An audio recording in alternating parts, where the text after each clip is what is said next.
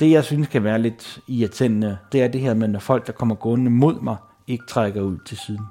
De vil ikke holde afstand, så må jeg jo gøre det. For eksempel i et supermarked hen ved køledisken og sådan noget. Det kan godt blive lidt stressende, at folk vil gerne have, at man skynder sig lidt.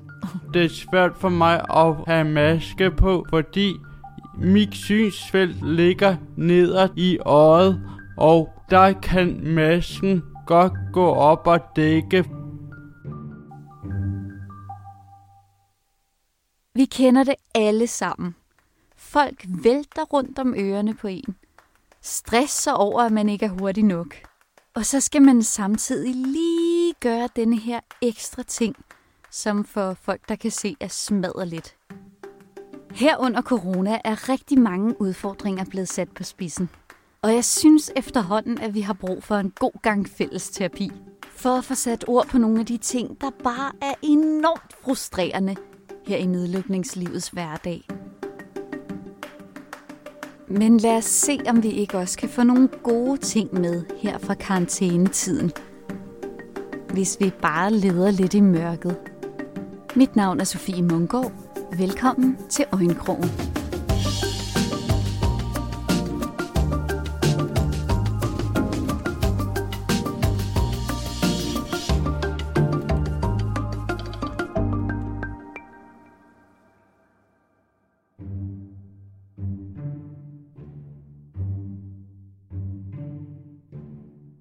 Det er snart et år siden landet lukkede ned for første gang. Og pludselig skulle vi ikke bare undgå at støde ind i folk på gaden. Nej, nu skal vi også stå for skud for det evige mantra. Afstand, afstand og ætter afstand. Vi har talt med fire personer, som har delt deres oplevelser og tanker med os. Og talt med en psykolog om, hvad der egentlig er på spil i en undtagelsestilstand som denne. Den største udfordring for mig i forhold til coronapandemien, det var faktisk, da det hele det begyndte, Det her er Anders Boholt. og det hele var så utrygt. I de første 14 dage var jeg i min lejlighed, og jeg så ikke rigtig øh, nogen mennesker. Og jeg gik heller ikke udenfor, fordi jeg vidste, at jeg som blind ikke har den mulighed, eller havde den mulighed for at holde afstand til andre. Det der med at holde afstand, det var jeg naturligvis bange for i starten, at jeg ikke gjorde korrekt. Ham du hører her er Max Sunde.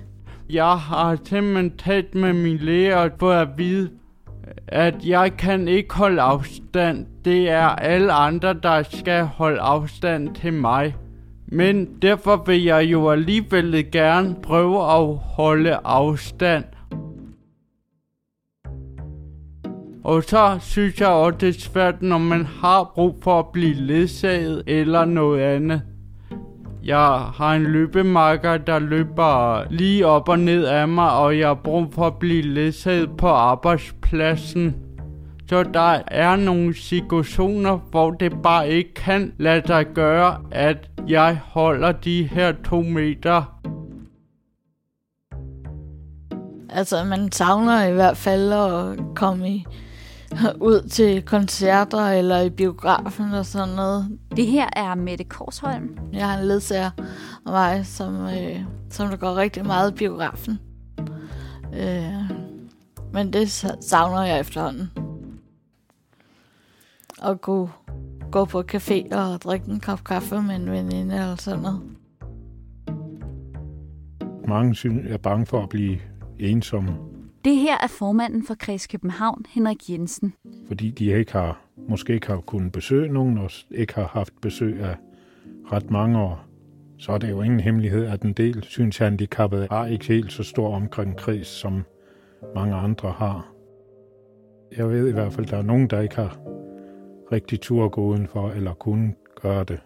For det første, de har følt sig bange, og de har måske ikke kunne få den ledsagelse, de skulle have, hvis de har brugt ledsagerordning og sådan noget. Der var jo nogle uger, hvor nogle kommuner i hvert fald havde lukket for ledsagerordninger.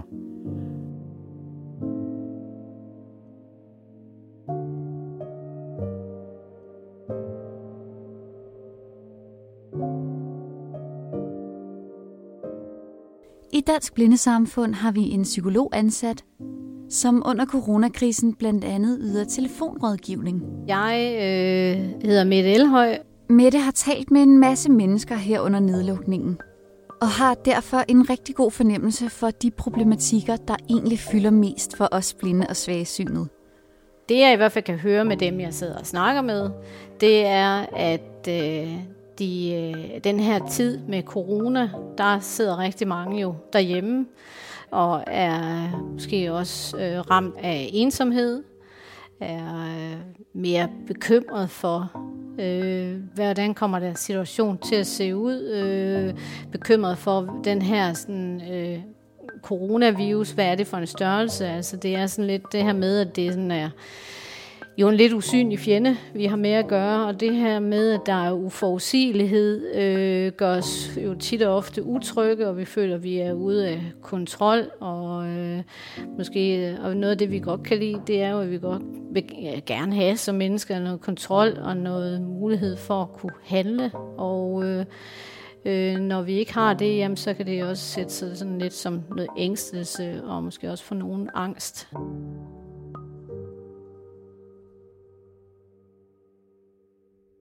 Så rigtig mange af dem, jeg snakker med, er både ramt af noget ensomhed, ængstelse, bekymring, angst.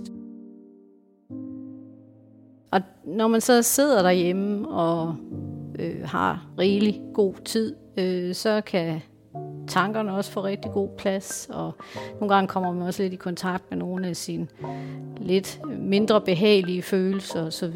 Ikke? Så, så for nogen, der bliver det rent faktisk en, øh, eller er det rent faktisk en rigtig svær periode, den her med, med masser af tanker og følelser sådan af negativ karakter.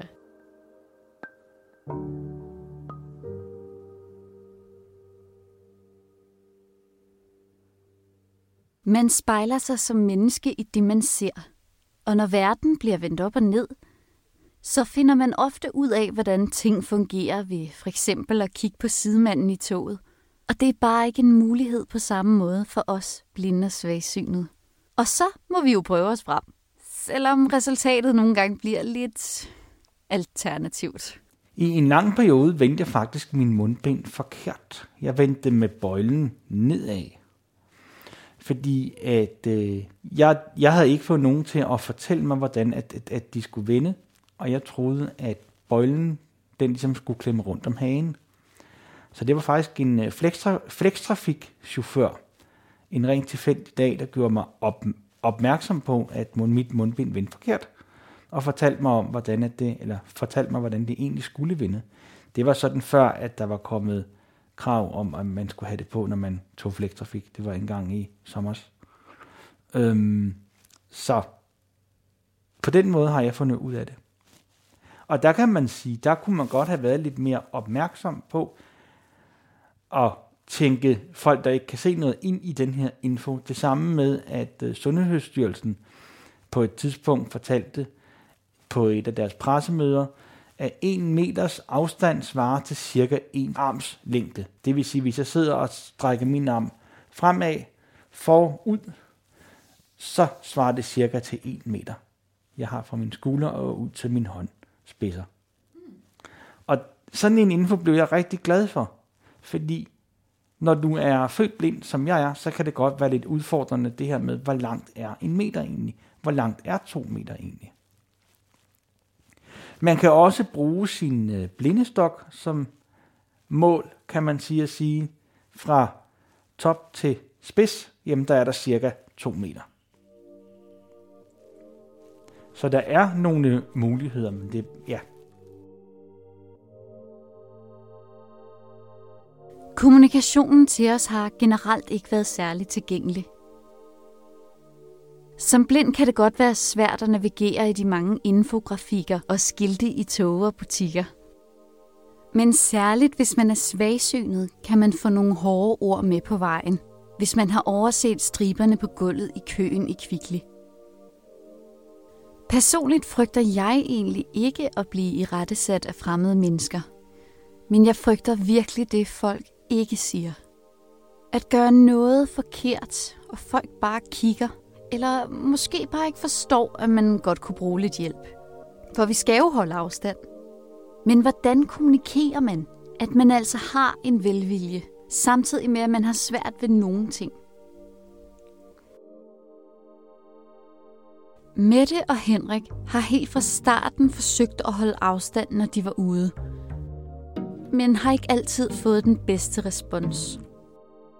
På et tidspunkt, jeg skulle på videre hospital og have taget en blodprøve. Det var lige starten af coronakrisen. Øh, og jeg var nødt til selv at tage ned, fordi mine ledsager, eller jeg havde ikke lige nogen, der kunne tage med mig, så jeg tænkte, det kan jeg godt klare selv. Men så har de lavet om på køsystemet, så jeg gik sådan op i rækken og for at spørge, hvor køen den startede ind, fordi det kunne jeg altså ikke lige finde ud af. Og jeg stod der med min blindestok, og så begyndte folk at skille mig ud over, at øh, jeg åbenbart ikke holdt øh, de to meter afstand, som jeg faktisk godt troede, jeg kunne se, hvor, hvor meget to meters afstand var. Altså, der har været øh, en kunde, der brokkede sig over, at jeg kom for tæt på ind i en butik. Kunden blev sur og skilte mig nærmest ud for at være gået for tæt på, og der var for mange derinde. Det jeg så gjorde, det var, at jeg gik ud igen. Så tænkte jeg, okay, så venter jeg lidt til jeg kunne høre, at der er nogen, der kommer ud. Selvom jeg, at de burde kunne se, at jeg har den hvide stok med. Og det blev både sådan lidt... Øh, jeg stod her med min blindestok, kan de ikke se, at jeg har problemer med at se. Og, og sådan blev lidt sur. Både sur og ked af det, faktisk. Hun bare sagt, der er lidt for mange, du må lige gå udenfor, eller sådan stille og roligt, så har jeg jo bare gjort det. Jamen, altså bare have spurgt, om de skulle hjælpe mig, altså, i stedet for at blive sure. Jeg var der jo, fordi jeg selv er udsat gruppe. Det kunne godt være, at dem, der stod i køen også var det, men, men man behøver jo ikke stå og skælde folk ud over, at man ikke kan holde afstand. Bare sige det venligt til folk.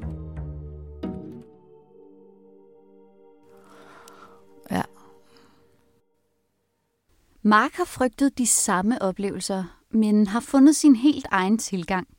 Det var angstprovokerende, men øh, så snakkede jeg med min læge og kollegaer og sådan, og fik at vide, hvis jeg huskede at markere mig med enten en gul vest og min blindestok, så er der ikke nogen øh, sure miner, fordi så kan folk se, der er problemet.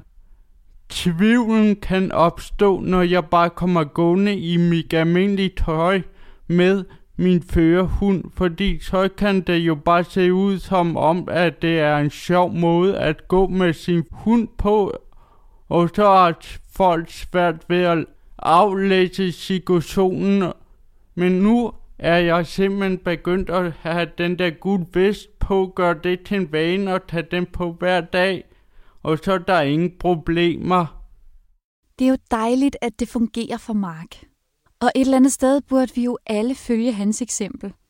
Men jeg tror dog, at der er mange, der ikke har lyst til at tage noget andet tøj på, end de normalt ville gøre. Det er bare ærgerligt, hvis det ender med at sætte en dæmper på lysten til at komme ud. Det er i hvert fald de færreste af os blinde og svagsynede, der er de store tilhængere af offentlig transport for tiden. Altså i talende stund, der tager jeg slet ikke det offentlige, og det er simpelthen af to grunde. Øh, den ene grund er det her med, at man skal røre ved, ved rigtig mange ting. Øhm, den anden grund er lige så meget den her med, når jeg kommer ind og skal sætte mig i, i en bus, jamen så kan jeg ikke se, så er der nogen på sædet over for mig. Øhm, jeg kan heller ikke se, om der sidder nogen ved siden af mig. Øhm, og så der har jeg den udfordring med, at fordi jeg netop ikke kan se den her afstand, og med at jeg skal røre ved så mange ting, så springer jeg det offentlige over. Jeg tog bussen ind til sidst i november måned, men da smittetallene begyndte at stige, så løb jeg, jeg simpelthen værd. Øhm, så jeg håber jo selvfølgelig, at jeg kan tage bussen på et tidspunkt igen, og selvfølgelig kan jeg det. Øhm, jeg skal bare lige, smittetallene skal bare lige længere ned, og så skal jeg bare lige kaste mig ud i det. Så kommer det hele jo tilbage. Ja, jeg er ikke øh, særlig begejstret for stadigvæk ikke at tage det offentlige transport. Når folk de er ved at falde over ens blindestok, så, så, så er de det i hvert fald for tæt på, tænker jeg.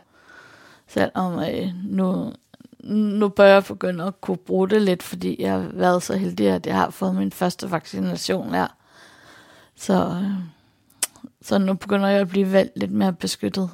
Men, øh, men, men det bliver også underligt, og at, at når man er blevet vaccineret, at så bør man jo ikke være så bekymret mere, som, selvom man stadigvæk går med mundbind og holder afstand og sådan noget, at, øh, at nu kan man lige pludselig godt tage til offentlig transport, og det skal man måske til at vente sig lidt til, til at så er det ikke så farligt mere. Øh, men når jeg har fået mit andet øh, vaccinestik, så regner jeg med, at jeg skal begynde at tage det ofte transport lidt mere, end, end jeg har gjort her under coronakrisen. Så begynder foråret, og så, kommer, så bliver det vejret også bedre. Jeg tror, at ængstelsen godt kan komme til at sidde i kroppen et stykke tid endnu. Selv efter vi er kommet tilbage til vores gamle liv. Men forhåbentlig kan vi også tage nogle positive ting med os. Nedlukningen har i hvert fald tvunget os til at forholde os til nogle af de her ting, som man ellers ville glemme i hverdagens trummerum.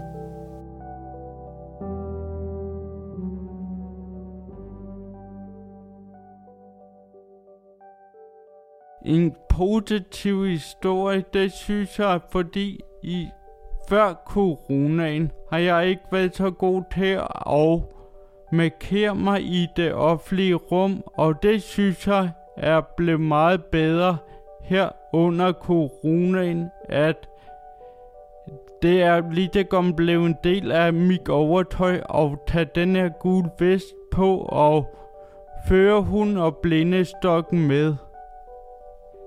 Grunden til, at jeg tror, at det er blevet så meget bedre nu, end det var, det er nok fordi, jeg orker ikke rigtig mere alt det her skæld ud og sure miner og stress, så derfor er det nemmere at gøre mig synlig og vise, at jeg har et handicap, og så bærer folk over med mig og giver den plads og ro, som jeg har brug for.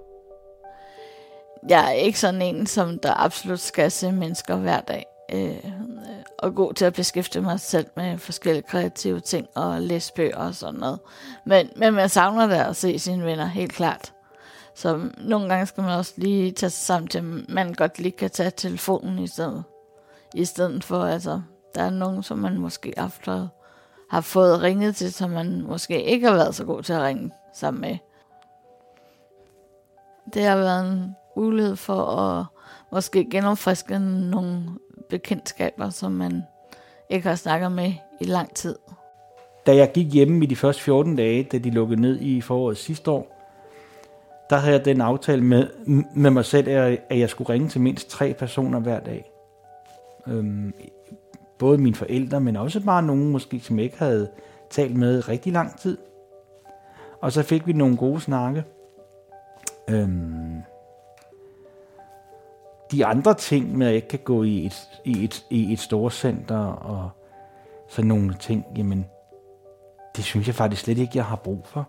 Det er da lidt underligt nogle gange, at man ikke kan gå ind med sin og kigge på, det ved jeg ikke, en oplader til sin telefon eller sådan noget lignende, men man kan sige, det har også ændret det her med, at der er rigtig mange, som at der køber ind på nettet, både dagligvarer og andre varer, og får det bragt ud det tror jeg måske, det vil fortsætte. En af de største udfordringer er, at øh, jeg synes ikke, folk er gode til at holde den afstand. Øh, de, folk skal, når man går i supermarkedet eller et stort center, for eksempel. Nu kan jeg godt selv gå rundt op i Rødovre Center, som der er et stort center. De har ensrettet deres gange i Rødovre Center, som at man holder til højre for, for at gå fremad øh, i alle deres gange. Øh, og så når man skal modsat vej, så går man over i den anden side. Øh, så, så man har ens rettet gangene. Så er det altså nemmere, nemmere at færdes, som synes jeg, det kan være, når man kommer gående med sin blindestok, i stedet for folk, de falder over blindestokken, fordi man går imod folk. Og, øh, men jeg tænker også, flowet går bedre i centret. Øh, for eksempel sådan en lørdag formiddag, hvor der er rigtig mange mennesker derop, hvor man måske helst ikke vil derop, fordi der er så mange mennesker, at, øh, at flowet er hurtigere sendet. At det fungerer godt for alle parter. Selvom jeg ikke tør håbe på noget så avanceret som ensrettet storcentre i fremtiden, så er det alligevel et eksempel på, hvordan nedlukningen alligevel kan skubbe lidt til forståelsen af det, vi plejer. Men hvordan klarer vi os så gennem resten af coronakrisen? Jeg spurgte Mette Elhøj, om hun kunne give nogle generelle råd til alle os, som har det lidt tungt for tiden. Det kan være ret øh, godt at forsøge i hvert fald på en eller anden måde at holde fast i en vis rytme i løbet af dagen. Ikke? Sørge for at få øh, stå op på samme tid, gå i seng på samme tid, så det hele ikke glider. Øh, måske øh, prøve på også, at hvis man havde nogle... Øh, aktiviteter i løbet af ugen, hvad, altså vandgymnastik, eller hvad det nu ellers kunne være, men at man så prøver på at komme ud på de tidspunkter også, og gå en tur, eller lave nogle øvelser, eller et eller andet, hvor man ligesom holder fast i, i, i det på en eller anden måde. Godt nok er det ikke lige vandgymnastik, men, men det kan være noget andet. Ikke? Og i det hele taget sørge for, hvis man kan komme afsted og komme ud og gå, eller komme ud og gå med, med nogen, man er trygge ved, for eksempel en, en pårørende, eller øh, hvis man får besøg af, af ledsager, eller sådan, at sørge for at komme afsted og komme ud i, i, i naturen. Øh, have noget og, og, og se lidt frem til i løbet af, af dagen. Måske at, øh, at sørge for at få lavet sig en god morgenmad, en god kop kaffe. Øh, øh, hvad hedder det, eller man skal se et, hvad vi har, et godt afsnit af Matador, for eksempel, eller høre øh, noget, noget lyd på, eller andet, så man også har noget, man kan se lidt hen til, som kan give lidt, øh, øh, lidt positivt i ens dag. Øh. Og så også, hvis man har mulighed for det, og, og have nogen, man ligesom måske taler med, altså... Øh, nogen, man ringer sammen med. Altså hvis man har øh, øh, nogle venner, øh, man kan en, eller øh, ses med. Nu er der jo sådan meget med små bobler, og, sådan, altså, og, og vi må maks ses med fem. Og sådan, men, men hvis man har mulighed for det, at have nogen der, man føler sig godt... Øh, at have det godt sammen med og tryg ved, og så man også kan vende måske nogle af sine bekymringer med en gang imellem. Ikke? Eller i hvert fald også få lidt adspredelse fra tanker osv.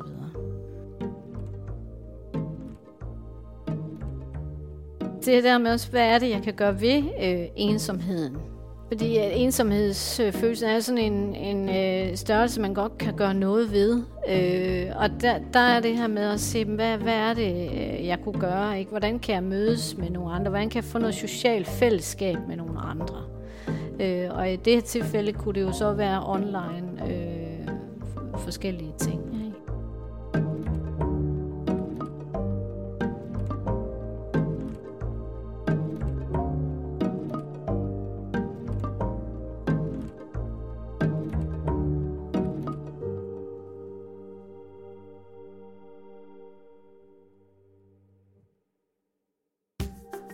Øjenkrogen er produceret af Dansk Blindesamfund.